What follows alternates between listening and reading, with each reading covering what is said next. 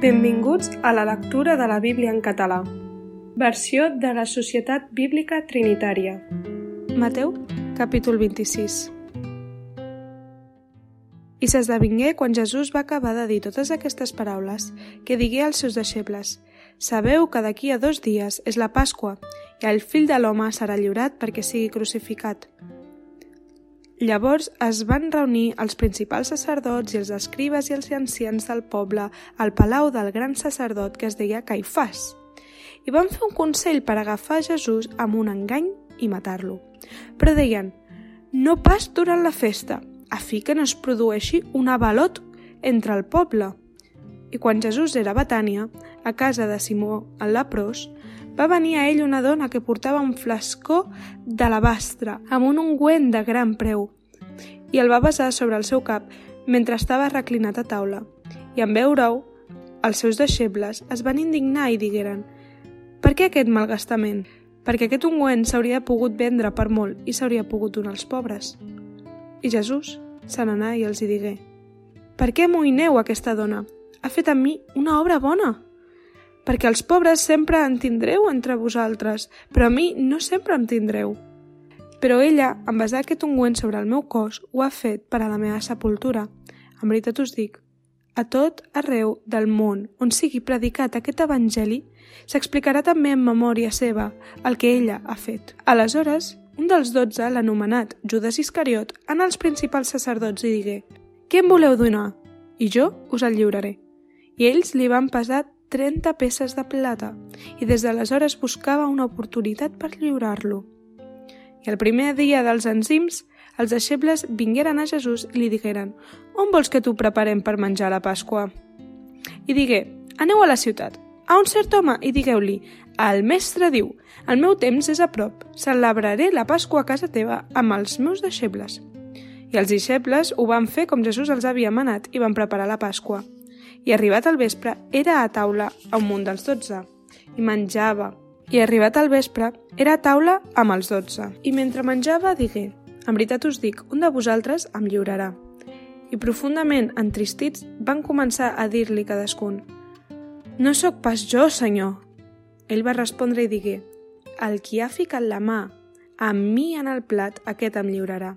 Certament el fill de l'home se'n va tal com està escrit d'ell, però ai de l'home per qui el fill de l'home és lliurat. Li hauria estat millor que no hagués nascut aquest home. I Judas, el que el lliurava, va respondre i digué, no sóc pas jo, rabí? Li diu, tu ho has dit. I mentre menjaven, Jesús va prendre el pa i, havent beneït, el va partir i el donà als deixebles i digué, preneu, mengeu, això és el meu cos i va prendre la copa i, havent donat gràcies, els donà dient Beveu-ne tots, perquè això és la meva sang, la del nou pacte, que és basada per a molts per a la redempció dels pecats. I us dic, des d'ara no veuré més d'aquest fruit del cep fins aquell dia quan el veuré nou amb vosaltres en el regne del meu pare. I van cantar l'himne i van sortir vers la muntanya de les oliveres. Llavors Jesús els diu, tots vosaltres us entrebancareu en mi en aquesta nit, perquè està escrit «Feriré el pastor i seran dispersades les ovelles del ramat». Però després que hagi ressuscitat, aniré davant vostra, Galilea. Encara que tots s'entrebanquessin en tu, jo mai no m'entrebancaré. Jesús li digué, en veritat et dic, aquesta mateixa nit, abans que canti el gall, em negaràs tres vegades. Pere li diu, encara que em calgui morir amb tu, no et negaré pas. I semblantment van dir també els altres deixebles. Llavors Jesús arribà amb ells a un lloc anomenat Getsemaní i diu als deixebles «Seieu aquí mentre me'n vaig allà a pregar». I s'endugué Pere i els dos fills del Sabadeu. I es van començar a entristir i angoixar-se profundament. Llavors els diu «La meva ànima està molt trista fins a la mort. Resteu aquí i batlleu amb mi. I es va avançar una mica i va caure sobre el seu rostre mentre es pregava dient Pare meu, si és possible que passi de mi aquest calze, però que no sigui com jo vull, sinó com tu vols. I ve on eren els seus deixebles i els va trobar dormint. I diu a Pere, Així no heu estat capaços de vetllar amb mi una hora? Batlleu i pregueu a fi que no entreu en temptació. L'esperit prou que està disposat, però la carn és feble. Novament se'n va per segona vegada i pregar dient Pare meu, si aquest calze no pot passar de mi sense que el begui, facis la teva voluntat. I en tornar els trobar novament adormits, perquè els seus ulls estaven carregats. I els va deixar, i se'n va anar novament i va pregar per tercera vegada dient el mateix. Llavors ve als seus deixebles i els diu «Dormiu encara i reposeu. Heus aquí s'atansa l'hora i el fill de l'home és lliurat en mans de pecadors. Alceu-vos, anem, heus aquí s'atansa el qui em lliura». I mentre ell encara parlava, heus aquí va arribar Judas, un dels dotze, i amb ell una gran gentada, amb espases i bastons, de part dels principals sacerdots i dels ancians del poble i el qui el lliurava els havia donat aquest senyal dient «Aquell que besaré és ell, agafeu-lo». I immediatament anà cap a Jesús i digué «Salut, rabí!» i el va besar. I Jesús li digué «Amic, a què has vingut?» Llavors s'acostaren i van posar les mans sobre Jesús i el van agafar. I heus aquí, un dels qui era amb Jesús va allargar la mà, tragué la seva espasa i va colpir el criat del gran sacerdot, tallant-li l'orella.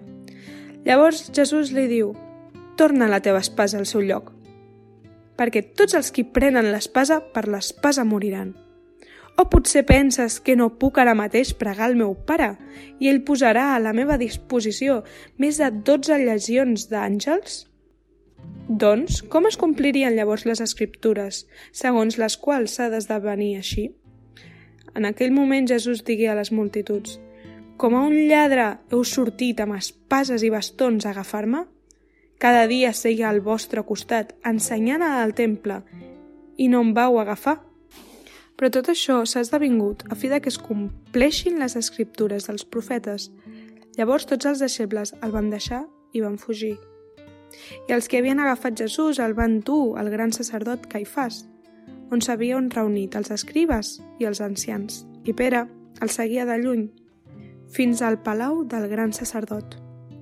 Va entrar a dins i es va seure amb els criats per veure el final. I els principals sacerdots i els ancians i tot el Sanedrí buscaven un testimoniatge fals contra Jesús a fi de poder-lo matar. I no el van trobar.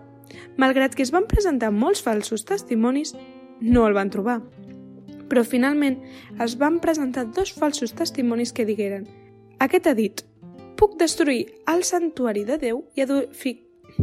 Aquest ha dit, puc destruir el santuari de Déu i edificar-lo en tres dies. I el gran sacerdot es va aixecar i li digué, no respons res? Què testifiquen aquests contra tu?